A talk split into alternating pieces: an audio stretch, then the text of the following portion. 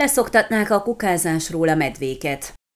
Sok problémát okozott tavasszal, hogy a medvék rendszeresen bejártak Székelyvarságra, ahol kukákat borogattak fel élelmet keresve, fejtette ki lapunknak Tamás Ernő helyi polgármester. Mint mondta, noha mostanra csitult a helyzet, a település vezetősége úgy döntött, hogy villanypásztorokkal veszik körbe a gyűjtőpontokat, remélve, hogy ez majd elriasztja a nagyvadakat, és élelemforrás hiányában nem jönnek be a településre.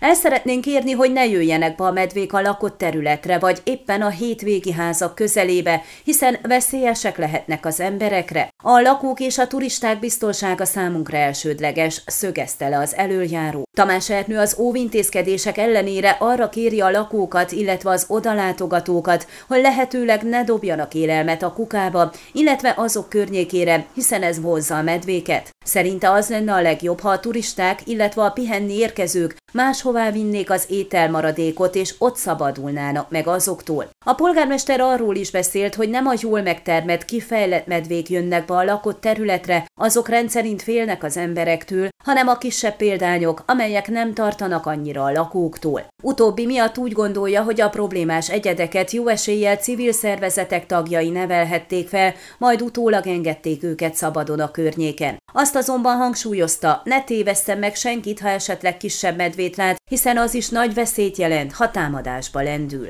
Ön a Székelyhon aktuális podcastjét hallgatta. Amennyiben nem akar lemaradni a régió életéről a jövőben sem, akkor iratkozzon fel a csatornára, vagy keresse podcast műsorainkat a székelyhon.pro portálon.